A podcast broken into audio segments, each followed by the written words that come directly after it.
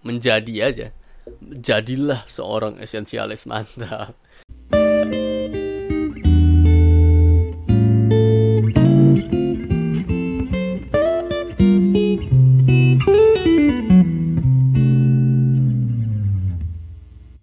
Selamat datang kembali akhirnya setelah sekian lama podcast ini ada lagi. Gila emang corona ya men, men astaga, gue pusing loh corona. Tapi tenang tenang, di podcast ini kita tidak akan berpusing-pusing dan gue tidak akan bahas hal-hal yang kayak gitu. Karena uh, beberapa waktu lalu, ya gue sekarang-sekarang gue lagi suka ngulik satu hal atau satu falsafah hidup asik atau apalah gitu sebutnya yang disebut dengan esensialism. Jadi ini tuh sebenarnya based on buku karangan Greg McCown, McCown, McCown, gitulah pokoknya. Uh, gue suka banget sama prinsip ini gitu dan gue tertarik ngulik lebih dalam. Kurang lebih sih mirip-mirip sama minimalisme ya, minimalism kalau lo mungkin tahu atau pernah denger gitu Cuman kan minimalism tuh adalah lebih ke lifestyle gitu. Minimalism tuh adalah lebih ke, ya gue nggak mau pakai baju yang banyak, gue nggak mau banyak-banyak beli baju, gue cukup beli punya satu aja tapi itu yang paling berharga. Gue nggak punya nggak mau punya barang banyak banyak gue cuman hilang hilangin barang-barang gue gue decluttering. Gue pilih yang menurut gue punya value paling tinggi gitu. Nah kalau itu kan minimalism gitu. Itu lebih ke lifestyle atau gaya hidup gitu. Ya kurang lebih sama kayak gitu. Essentialism adalah kayak gitu tapi lebih deep gitu asik. Ya lebih dalam lagi karena ini tuh lebih cuman ke cara pikir aja cara pandang lo melihat dunia gimana gimana kita memilih eh, hal-hal uh, tuh yang paling penting aja buat lo gitu gimana lo ngelakuin hal yang menurut tuh paling penting dan paling berharga gitu. by the way sorry kalau gue sambil bersin-bersin atau apa mudah-mudahan ini tidak corona gitu dan kalau ada suara-suara uh, serak-serak atau klik-klik apa segala macam gitu karena gue sambil buka-buka uh, laptop dan gue nyatet gue kemarin bikin catatan soal esensialisme ini jadi mungkin gue sambil baca juga biar tidak lupa dan biar enak aja gitu karena ini kayaknya akan panjang sih podcast ini dan dan mudah-mudahan berguna nih gue mau coba bacain halaman pertama dari bukunya dulu deh karena ini lumayan seru gitu bukunya by the way bisa lo cek di Google Playbook aja judulnya Essentialism ya. Nih. Uh, halaman halaman pertama ya. Jadi gue baca ini. Sam Elliott is a capable executive in Silicon Valley who found himself stretched too thin after his company was acquired by a larger uh, bureaucratic business gitulah kurang lebih. He was in earn in tidak terbaca, saya terlalu jauh. He was in earnest about being a good citizen in his new role, so he said yes to many requests without really thinking about it. But as a result, he will spend the whole day rushing from one meeting and conference call to another, trying to please everyone and get it all done.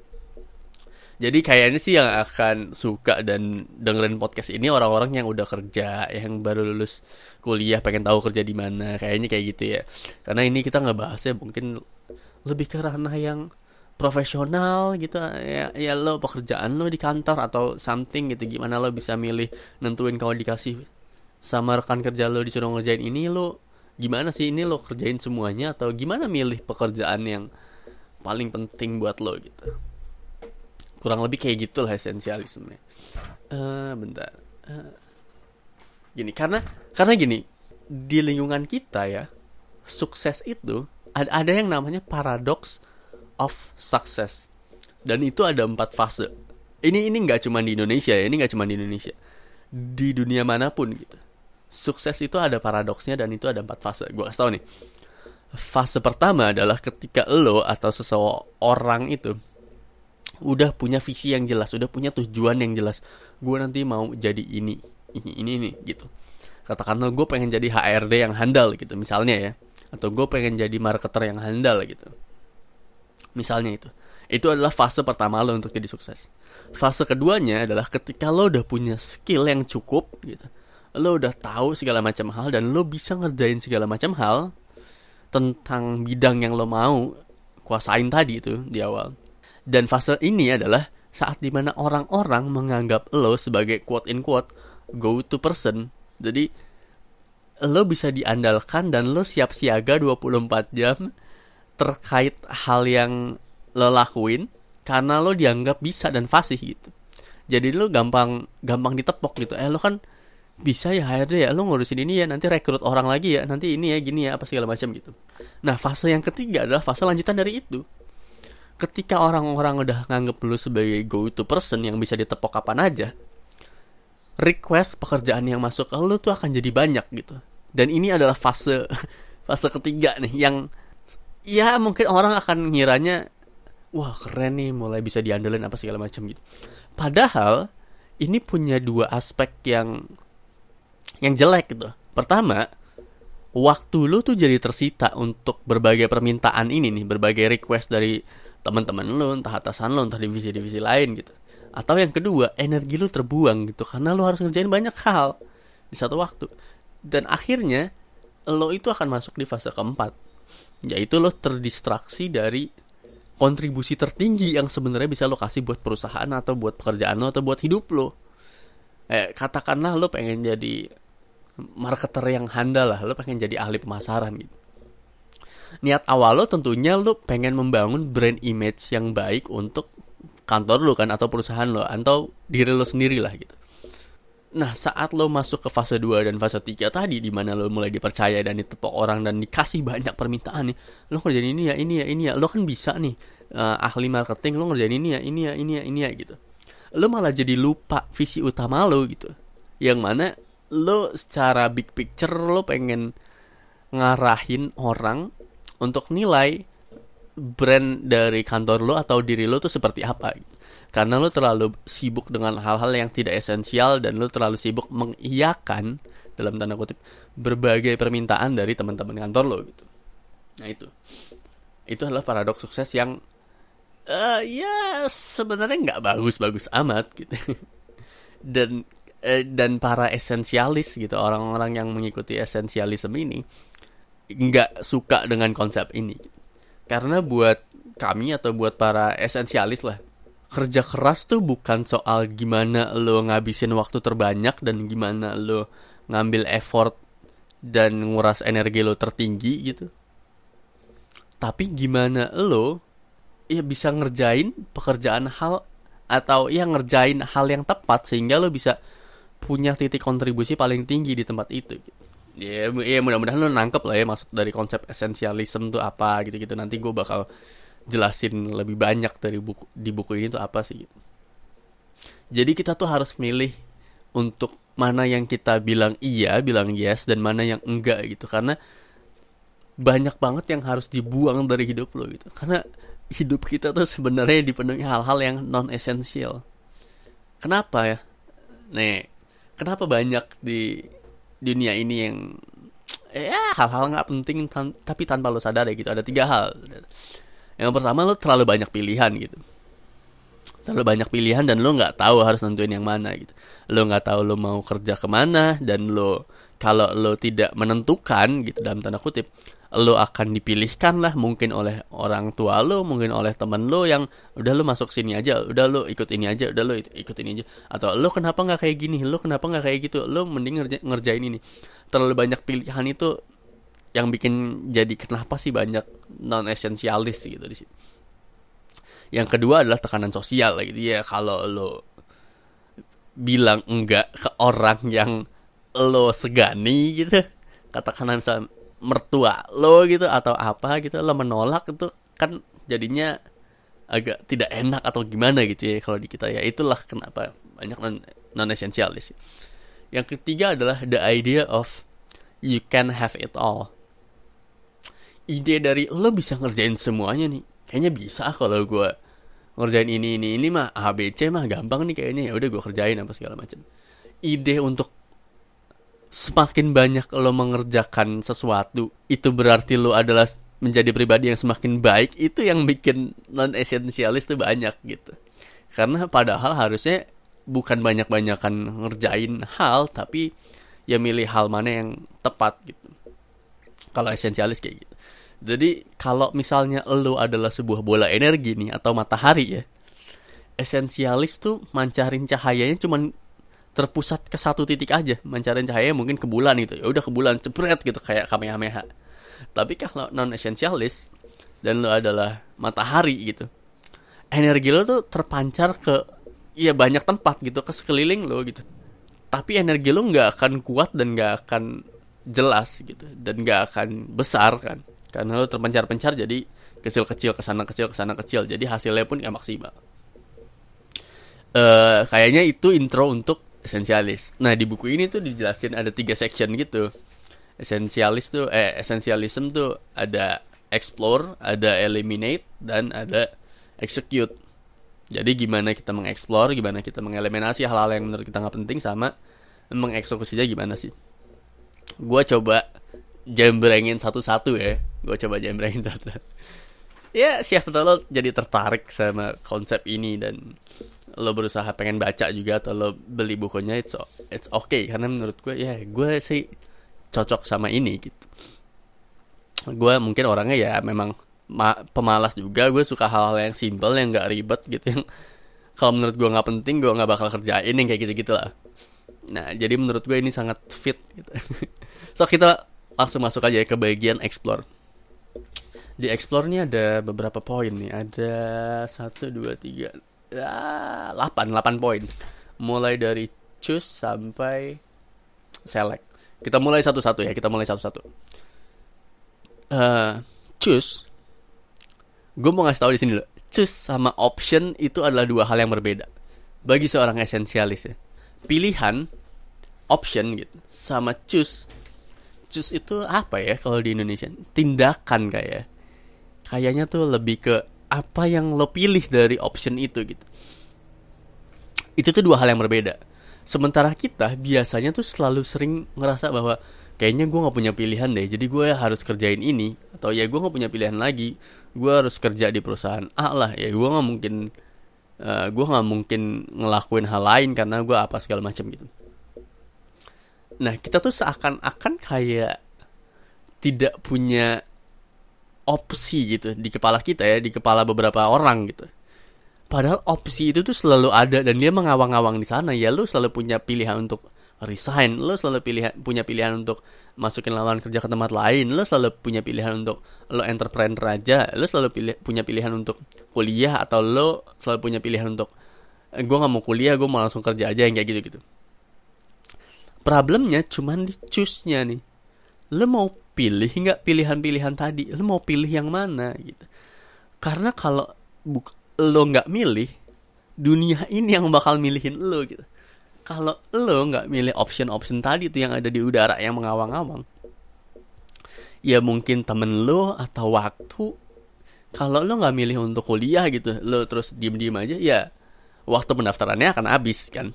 Dan lo akan ya lo nggak bisa kuliah di tahun ini jadi lo akan bekerja. Ya kasarannya kayak gitu. Kalau lo nggak milih dunia ini yang milihin buat lo gitu.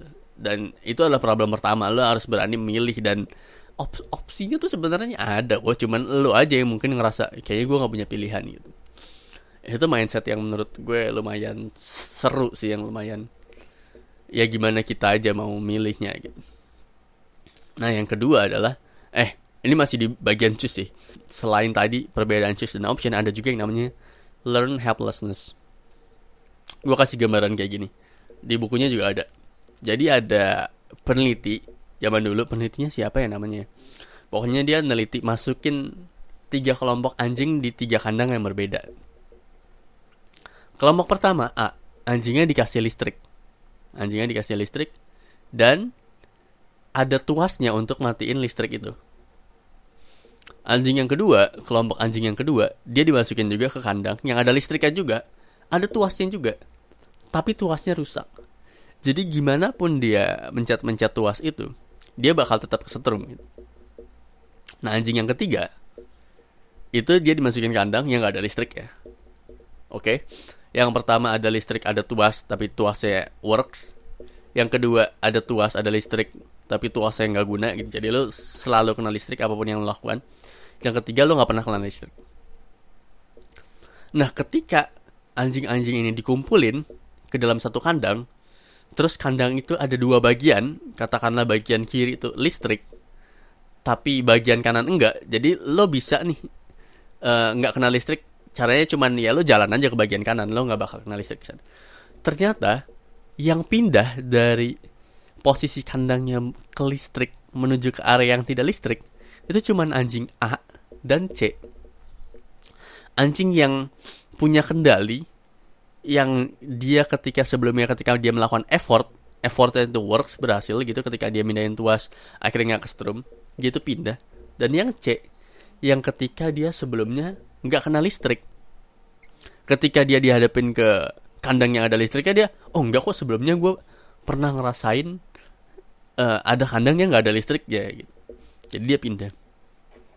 Nah kandang yang B eh si tipe kelompok anjing yang B yang selalu kena listrik. Apa pun yang lo lakuin lu udah berusaha ini kayaknya ada tuas nih kalau kita geser-geser gini gini. Gini tapi ternyata effort lu tuh nggak nggak berhasil gitu. Nah lu ketika ditunjukin bahwa oh ini ada opsi lain kok gitu. Ada opsi bahwa lo sebenarnya bisa aja nggak kena listrik. Caranya dengan lo tinggal jalan aja. Tapi dia nggak ngelakuin itu. Seakan-akan lo nggak punya opsi. Gitu. Seakan-akan lo nggak punya opsi. Ini namanya learn helplessness. Uh, ya ya makanya ini sih yang bikin milih itu susah sih karena kita mungkin terbiasa bahwa sebelumnya oh gue udah ngeluarin ini apa segala macam tapi kayaknya gak works nih effort gue jadi apakah ketika nanti gue effort lagi gue akan bisa kayak gitu. Kasarannya kayak kayak lo ketika SD lo pernah gak sih? Eh, SD atau SMP atau SMA ya mungkin berapa di antara lo udah ngerasa bahwa eh, kayaknya gue nggak bisa nih belajar matematik nih kayaknya matematik bukan ilmu gue nih gitu lo udah usaha kayak gimana pun juga lo tetap nggak bisa matematik nah orang yang kayak gini nih di masa depan akan ada dua tipe. Yang pertama, jadi tipe yang nyerah yang anggap eh udahlah mau gimana pun juga ah, gue nggak bisa matematik.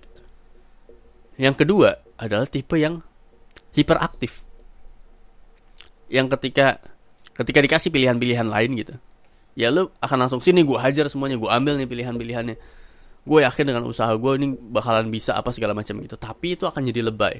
Nah, ini dua-duanya ini yang bahaya gitu baik dari lo nyerah dan lo yang hiperaktif karena dari hiperaktif lo akan jadi ngambil berbagai permintaan dan berbagai request yang ada gitu dan ini juga sebaiknya dihindarin makanya milih tuh sebenarnya susah ini explore point satu ya baru ya masih ya ada tujuh lagi lah. Jadi sabar-sabar aja. Ini choose. Yang kedua tuh discern. Discern itu tentang kemampuan lo menyadari. Kemampuan lo menyadari bahwa dunia ini tuh tidak adil men. Jadi asli kenapa gue bilang dunia ini gak adil? Karena belum tentu effort yang lebih tinggi menghasilkan result yang lebih tinggi. Ini yang makanya tadi gue bilang kenapa kerja keras tuh nggak selalu kita ambil. Kenapa ya esensialis itu nggak selalu mikir kerja kerja keras adalah yang terbaik. Karena bisa aja lo sebenarnya cuma capek doang energi lo habis doang waktu lo habis doang tapi lo bukan ada di titik kontribusi tertinggi. Contohnya kayak gimana? Contohnya kayak gini. Di buku juga dikasih tahu nih. Jadi si waktu si penulis buku ini si Greg ini SMA ya katakanlah SMA dia tuh pengen dapat duit dia pengen beli jajan gitu dan supaya dia pengen jajan dia kerjalah jadi loper koran. Jadi loper koran di Inggris itu beda sama loper koran di Amerika. Di mana kalau lo lihat di film-film Amerika lo bisa lihat mereka naik mobil atau naik sepeda terus tinggal ngelempar-lemparin aja gitu ke rumah-rumahnya. Yang mana itu butuh waktu dikit doang kan jadi lo bisa cepet gitu. Nah kalau di Inggris lo harus masukin ke semacam kotak posnya gitu tapi khusus untuk koran. Jadi lo harus berhenti di tiap rumah uh, terus jalan ngambil korannya terus masukin situ nah dari semua pekerjaan ini didapatlah penghasilan bahwa satu jam menjadi loper koran, lu bisa dapetin duit satu dolar. Katakanlah gitu ya, si Greg. Sampai di satu waktu, dia pengen beli sesuatu dong. Dia pengen beli mainan lah. Dia jadi kepikiran tuh untuk beli mainan itu, dia konversi ke waktu terhadap dia jadi loper koran. Jadi kayak gue pengen beli PS gitu. PS harganya 12 12 dolar gitu. Oh berarti untuk dapetin PS itu gue harus kerja 12 hari. Mindsetnya yang terbentuk jadi kayak gitu. Karena sehari dia dapat uh, bisa kerjanya satu jam dan satu jam tuh satu dolar gitu. Jadi untuk dapetin PS tadi lo butuh kerja 12 hari berturut-turut gitu. Jadi mindsetnya jadi kayak gitu. Sementara ternyata di sisi lain di hari-hari berikutnya dia sadar dia punya kesadaran dia discern bahwa di dunia ini ada pekerjaan lain selain jadi perkoran yaitu kalau dia jadinya adalah tukang cuci mobil. Tukang cuci mobil dibayarnya 2 dolar per mobil. Lu cuman gosok-gosok aja. Dibanding lu naik sepeda gitu terus harus jalan gitu dan ngabisin waktu sejam lu cuma dapat satu dolar. Ini lu satu mobil nyuci dua dolar padahal kan sama aja nggak mikir cuman pekerjaan pakai otak gitu. Dan dalam satu jam si Greg bisa nelesain tiga mobil. Lo bayangin effortnya ya kayak gitu kan physically aja gitu lo ngelap apa segala macam gitu. Tapi dari situ ternyata hasilnya tuh beda resultnya tuh beda. Waktu yang lo dapetin tuh kalau ini berarti tiga mobil gitu lo nyuci mobil dalam satu jam tiga mobil artinya 6 dolar gitu.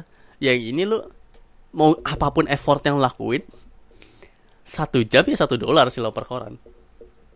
Nah lo harus sadar itu bahwa nggak effort yang semakin gede bukan berarti result res, result resultnya makin tinggi. Jadi lo harus ya pinter-pinter milih bener nggak ya ini gitu? Apakah ini akan menghasilkan result tertinggi gue gitu? Kalau dia masuk grafik tuh jadi misalnya bawahnya uh, effort gitu uh, garis x-nya garis y-nya tuh result gitu. Grafiknya akan jadi eksponensial gitu kan. Nah lu cari tuh titik tertinggi lo adalah effort yang mana. Di situlah yang harusnya lo kerjain gitu. Nah, lanjut ya. Ah, apa lagu ini yang harus dieksplor untuk menjadi esensialis? Yang ketiga tuh trade off. Lo harus sadar bahwa lo dengan menolak berbagai macam hal gitu atau lo dengan bilang no, lo akan menukar popularitas lo terhadap value dan respect. Ya kalau lo mau jadi orang yang asik, yang populer, yang dianggap seru ke mana-mana gitu ya lo akan selalu otomatis bilang iya aja gitu ke siapa pun ke temen lo, eh nongkrong yuk, ayo.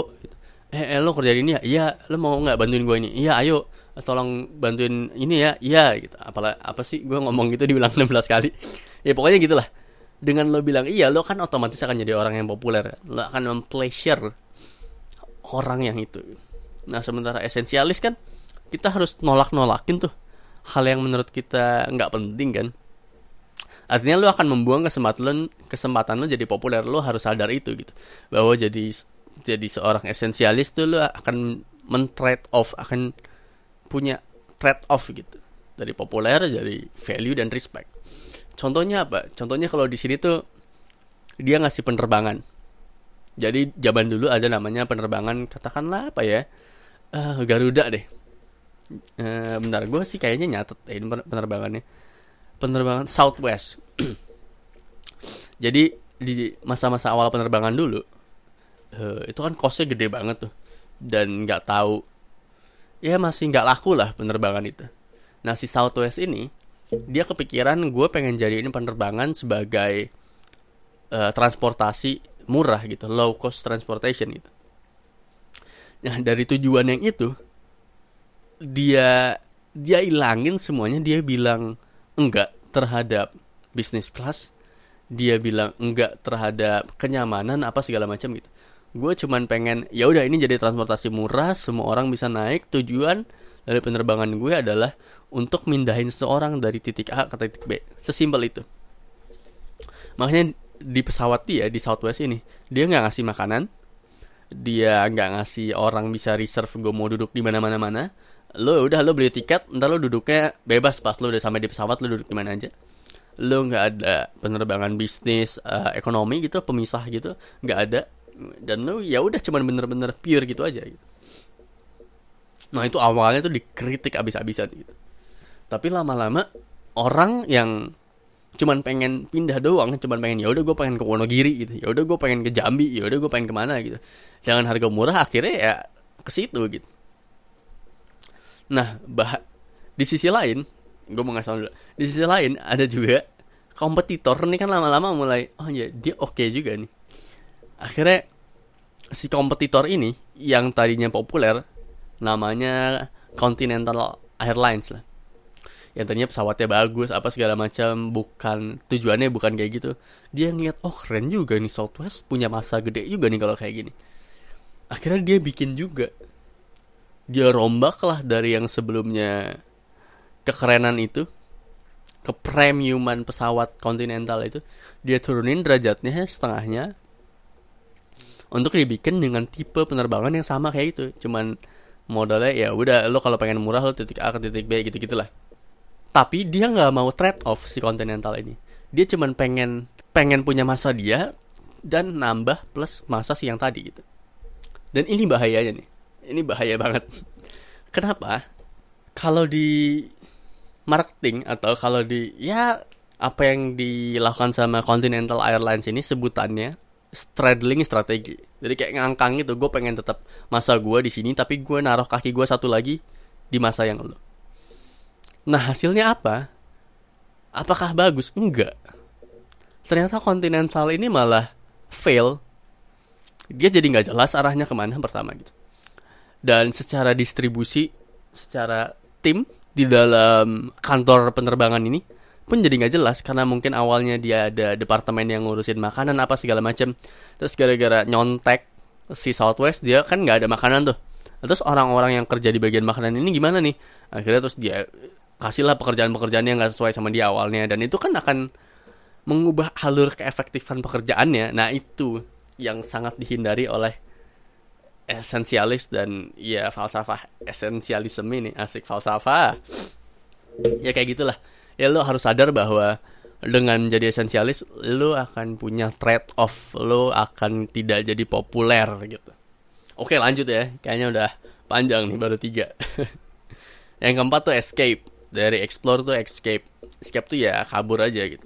Lo harus punya space diri lo space untuk ruang lah. Lo harus punya ruang untuk desain ruang untuk konsentrasi ruang untuk baca karena itu bagus buat diri lo gitu. entah nge-refresh atau apa.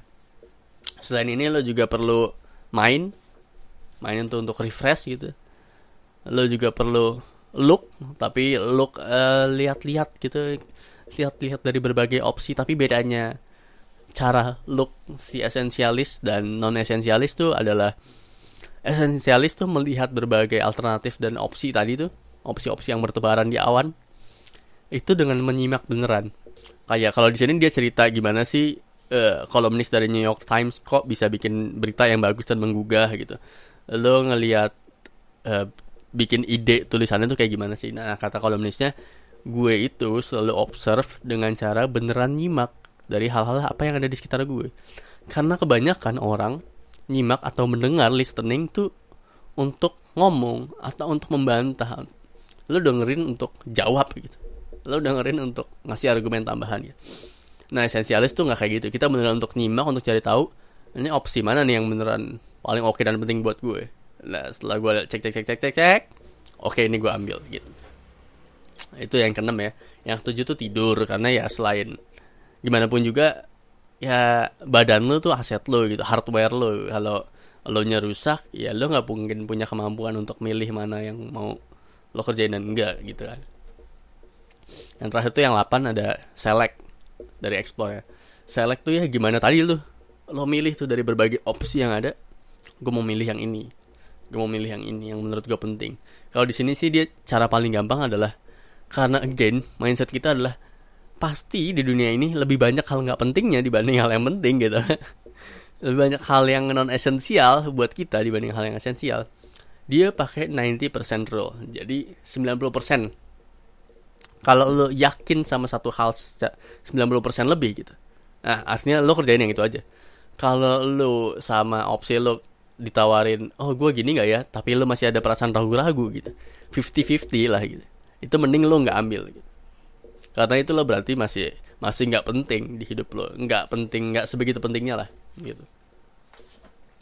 Nah kita masuk ke section yang kedua dari bagian esensialism yaitu eliminate. Gimana kita berusaha mengeliminasi hal-hal yang penting dan tidak penting ini?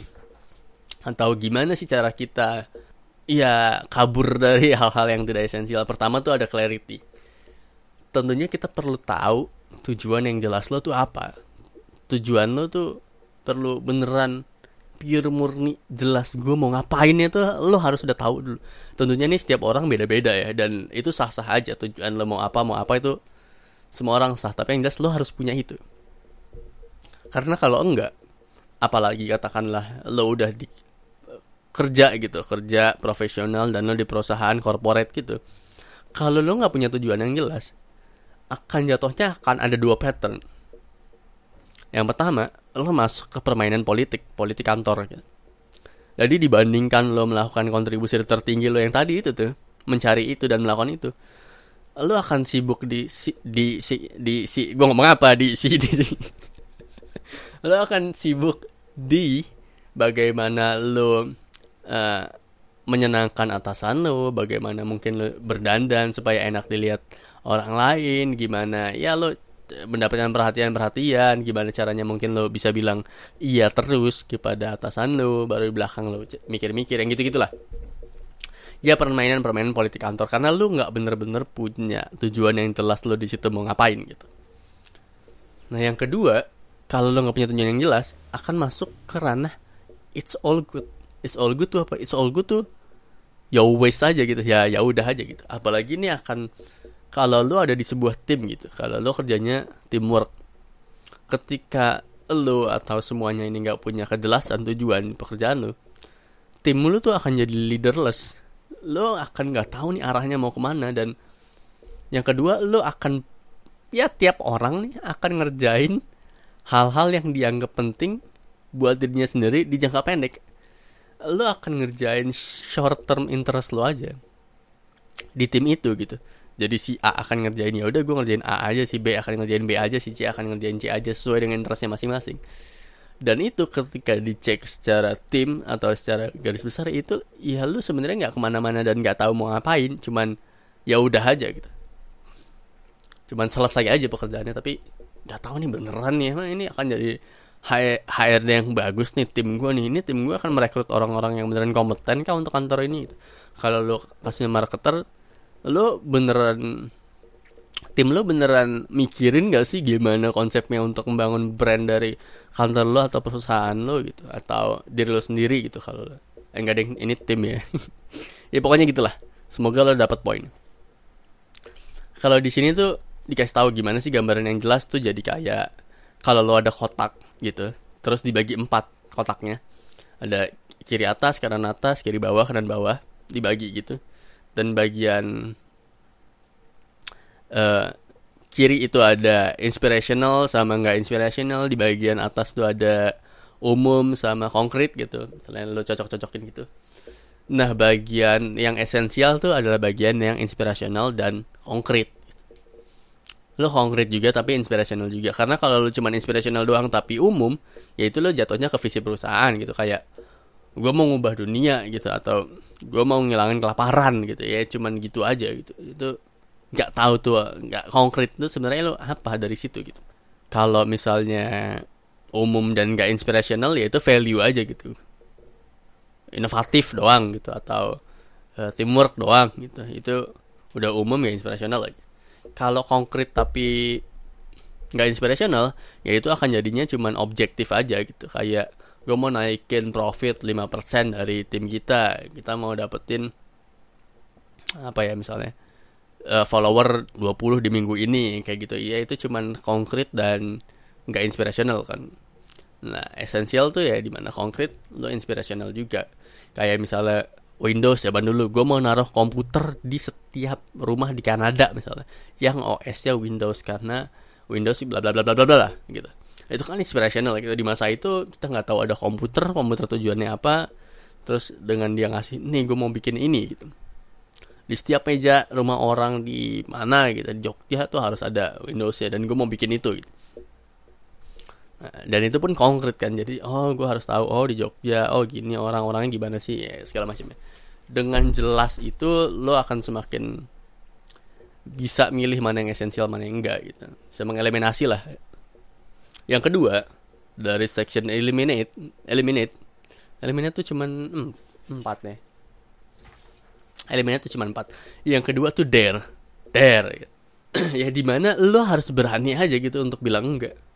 Again walaupun society kita sangat mempleasure orang yang ngomong iya gitu tapi kan lo tahu tadi bahwa dengan lo ngomong enggak lo akan trade off lo akan jadi nggak populer lo kan udah sadar itu kan nah di sini cara ngelakuinnya ya lo bilang enggak aja terhadap project-project atau hal-hal atau sesuatu gitu di hidup lo yang lo anggap nggak esensial gitu.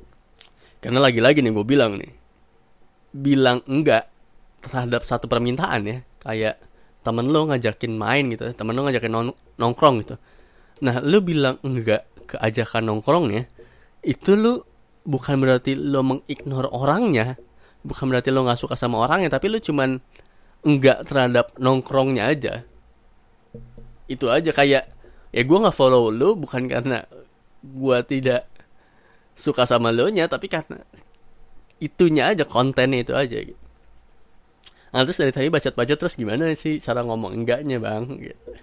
Nah, kebetulan di buku ini dikasih tahu ada 8 teknik untuk lo menolak uh, suatu permintaan yang lo anggap tidak esensial ya.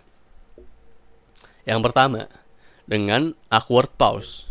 Jadi ketika ada orang yang minta lo buat ngapain lah gitu ngajak nongkrong gitu atau minta lo ngerjain project A yang mana menurut lo project A itu tidak esensial buat lo kerjain gitu lo bisa diem aja bos nong nongkrong yuk gitu terus lo kayak diem e, nongkrong ya sampai biarin sampai dia yang ngisi kekosongan itu kayak eh nongkrong ya e. nah kan kalau diem dia akan oh lo nggak bisa ya? Gitu ya. Uh, lo ada acara ya? Gitu gitu nah, baru di situ lo masuk. Eh kayaknya iya deh apa deh? Kayaknya gue nggak bisa deh gini gini gini gitu.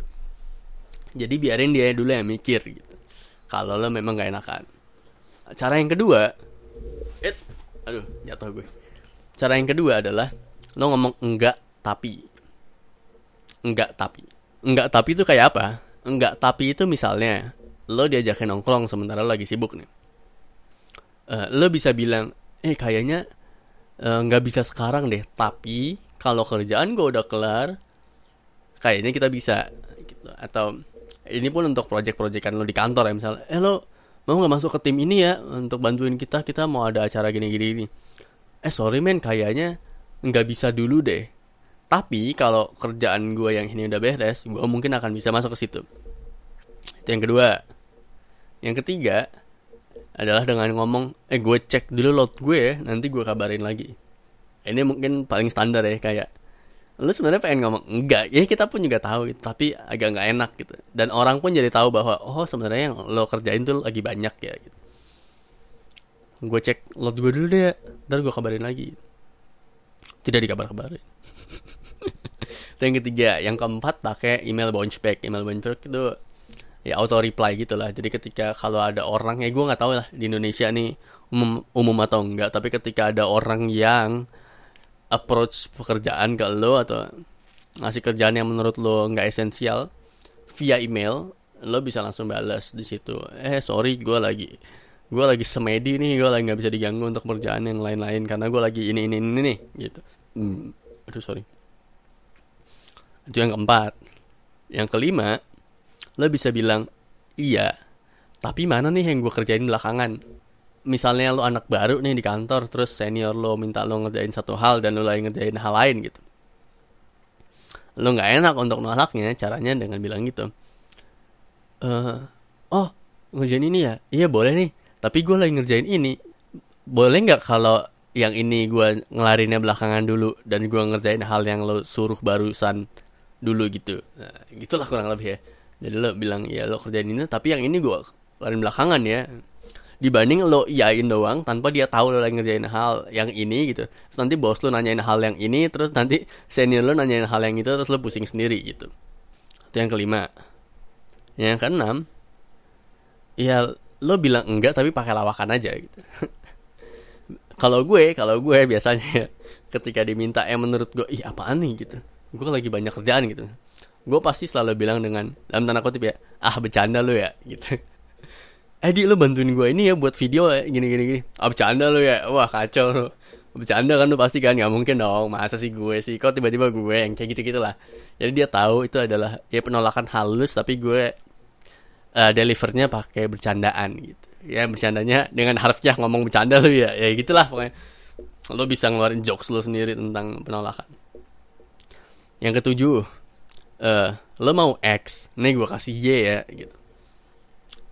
Kayak misalnya eh anterin gue ke depan dong gitu. Misalnya anterin gue belanja dong misalnya. Misalnya ya. Dan menurut lo itu nggak esensial lo bisa bilang oh lo mau ganterin ke depan tapi gue kayaknya lagi nggak bisa nih. Ini gue pinjemin aja kunci mobil gue ya atau kunci motor gue ya lo jalan sendiri deh ke sana gitu. Lo menawarkan hal lain yang masih bisa ngebantu dia tapi lo nggak perlu ikut-ikut ada di situ sehingga itu menghabiskan waktu dan energi lo kurang lebih kayak gitu. Nah kalau yang 8 uh, gue nggak bisa eh tapi kayaknya explode asik. Kayak gitu. Gue nggak bisa eh tapi kayaknya explode nih gitu. Jadi lo nggak perlu ngambil semua hal yang ada di project itu atau yang disuruh sama dia tapi ya lo dikit doang ya. oh kalau kayak gitu kayaknya gue nggak bisa eh tapi kalau ini doang boleh nih gitu. Itu kan nolak itu yang kedua ya. Dari clarity tadi lo harus uh, punya tujuan yang jelas gitu sama ini ya lo berani bilang enggak gitu. Setelah lo tahu kan tujuan lo tujuan gue ini berarti yang lain nggak penting nih. Jadi gimana cara gue nolak yang lain ketika yang lain datang ke gue? Ada dengan 8 cara tadi. Nah yang ketiga gimana caranya ketika lo sadarnya belakangan ketika lo udah tahu lo ngerjain satu hal tapi lo baru tahu bahwa anjir ini ini ternyata hal yang non esensial nih buat gue masuklah ke sini uncommit. Lo harus berani cabut balik. Karena kebanyakan dari kita tuh punya yang namanya sunk cost bias. Sunk cost bias tuh karena karena kita udah terlalu dalam gitu ikut ke satu hal gitu. Kita jadi punya ikatan emosional terhadap hal itu gitu. Dan terlebih kita udah ngeluarin cost banyak dalam tanda kutip ya cost pengeluaran entah dalam emosi entah dalam waktu entah dalam duit beneran gitu. Kita jadi nggak mau cabut dari situ walaupun rugi. Biasanya sih kayak gitu. Contoh paling nyata ini ini bukan berarti contohnya jangan diambil harfiah ya tapi mudah-mudahan lo jadi dapat maksudnya uncommit apa. Contohnya lo nonton film jelek di bioskop. Dan lo nggak mau cabut di tengah-tengah lo tetap nonton dan lo uh, ngedumel-dumel aduh ini jelek banget filmnya simply karena lo udah bayar tiketnya aja dan lo ngerasa aneh kalau gue udah duduk di dalam uh, gue kalau keluar lagi dirasanya aneh ya udahlah gue habisin waktu gue dua jam untuk menonton film jelek ini gitu. kurang lebih kayak gitu. Atau misalnya yang kedua toxic relationship. Itu juga sama kan kayak ketika lo tanya kenapa sih dia kan mukulin lo? Dia kan bikin lo stres. Kenapa lo nggak mau cabut dari dia? Ya karena gue udah dua tahun sama dia gitu gue nggak enak udah banyak hal yang gue kasih ke dia masa sih gue harus cabut gitu aja gitu Nah halal ini harus lo berani uncommit gitu. Harus berani lo cabut aja karena ya itu merugikan lo gitu sebenarnya simple itu. Yang keempat tuh edit ya dari tadi uh, apa clarity, dare, uncommit, edit. Edit tuh gimana lo bertingkah berlaku sebagai editor. Tapi dibanding lo editor tulisan atau editor film yang gimana lo mangkas-mangkasin tuh. Lo harus punya mindset editor untuk diri lo sendiri. Jadi lo harus berani kill your darlings lah untuk sebutan di industri kreatif ya. Kayak lo punya paragraf impian gitu paragraf masterpiece lo atau lo punya lukisan masterpiece lo tapi ternyata nggak cocok sama tema galeri lo nih pameran lo ya mau nggak mau lo harus berani ilangin lukisan itu kan gitu mau nggak mau lukisan yang lo anggap masterpiece nggak lo bawa ke pameran itu karena karena nggak sesuai temanya. Kurang lebih kayak gitu tapi mindset ini lo pakai untuk keputusan-keputusan yang ada di hidup lo. Ini edit. Nah yang kelima limit. Jadi lo harus kasih batasan lah. Mau sampai seberapa banyak sih lo ngomong iya ke dia gitu. Ke orang ini nih lo ngomong iya iya iya iya mulu tuh lo harus punya batasan nih karena kalau di buku ya dicontohin bahwa si ini orang ini anggap aja namanya Ana si Ana dia lagi nyiapin pernikahannya gitu. Lagi nyiapin pernikahannya uh, di hari-hari menjelang pernikahannya dia masih sibuk sama urusan kantornya. Dia masih selalu bilang iya iya iya iya sampai akhirnya dia stres sendiri dan pernikahannya tidak apa ya persiapan pernikahannya terganggu lah. Sampai ada momennya di mana kayak enggak nih gue harus bilang enggak ke bos gue karena gue mau nyiapin nikahan gue nikahan gue tanggal segini gitu. Karena kalau ini kan momen ini pasti akan terjadi kan karena ya nikahan gitu lo pasti akan bisa punya limit yang jelas kan. Enggak loh nikahan gue tanggal segini gue kalau masih kerjain mulu gue ntar nggak fokus ngurusin ini gitu. Nah konsep dalam tanda kutip nikahan ini secara sadar harus lo bawa walaupun lo gak nikah gitu. Ya lo harus punya kesadaran membatasi terhadap lo kebiasaan lo ngomong iya iya iya gitu nah ini udah kelar. Eliminate kurang lebih kayak gitu ya. Eliminate. Yang terakhir execute. Execute itu sebenarnya dikit doang uh, di dalam section execute tuh ya gimana kita mengeksekusikan dari lo. Tadi udah tahu mengeksplor uh, lo udah bisa mengeliminasi pilihan-pilihannya. Lo tinggal mengeksekusi aja. Lo tinggal menjalankan hidup lo aja sebenarnya. Yang pertama tuh ada buffer. Buffer tuh kalau di kimia tuh larutan penyangga ya. Jadi dia apa ya penyeimbang lah. Kasarannya gini lo naik mobil dari blok M sampai PIM dan lo punya hasrat gue nggak boleh berhenti bawa mobilnya gitu. Nah secara mindset pikiran lo kan oh supaya gue nggak boleh berhenti nih. Supaya mobil gue nggak boleh berhenti dan gue nginjek gas terus. Gue harus jaga jarak sama mobil di depan gue sama motor di depan gue sama orang di belakang gue sama apa segala macam yang ada di kanan kiri gue untuk tempat lo mengerem pelan-pelan tapi lo tetap jalan. Kurang lebih buffer tuh kayak gitu untuk supaya lo ngecek oh ini bener gak nih? Ini bener gak nih? Eh bener gak nih? Gitu. Supaya lo nggak terjadi dua hal yang bertabrakan gitu lah kurang lebih. Itu buffer. Yang kedua sub subtract. Subtract. Subtract. Yang kedua subtract. Subtract itu apa? Subtract itu uh, ahli-ahli lo mengalahkan semua rintangan dan obstacle yang ada di hidup lo daripada lo harus ngelawan itu ya lo ilangin aja. Lo subtract aja obstacle-nya. Lo ilangin aja. Caranya gimana? Pertama tujuan lo harus jelas dulu. Yang kedua lo identifikasi mana sih slow hikernya mana sih yang ya batal naiknya lah dari situ semua gitu. yang ketiga ya tinggal lo hilangin aja obstacle ya contohnya contohnya nih. Misalnya ya lo pengen jadi youtuber yang ini tujuan lo nih tujuannya diperjelas. Yang upload tiap hari upload tiap hari youtuber oke okay. lo pengen jadi youtuber yang upload tiap hari tujuannya udah jelas lo upload tiap hari tapi permasalahannya adalah lo cuman kerja sendiri dan ngedit video yang sesuai sama konsep dan kemauan lo itu butuh waktu yang lama. Jadi tantangan lo, obstacle lo kan ada di ngedit videonya nih. Nah, dibanding lo belajar apa segala macam untuk bisa ngedit video yang lebih cepat, ya lo ilangin aja obstacle ngedit video itu. Jadi lo serahin aja, lo hire aja editor. Jadi lo bisa ngerjain videonya secara paralel. Lo syuting, lo kasih ke dia, dia ngedit, lo syuting lagi apa segala macam gitu.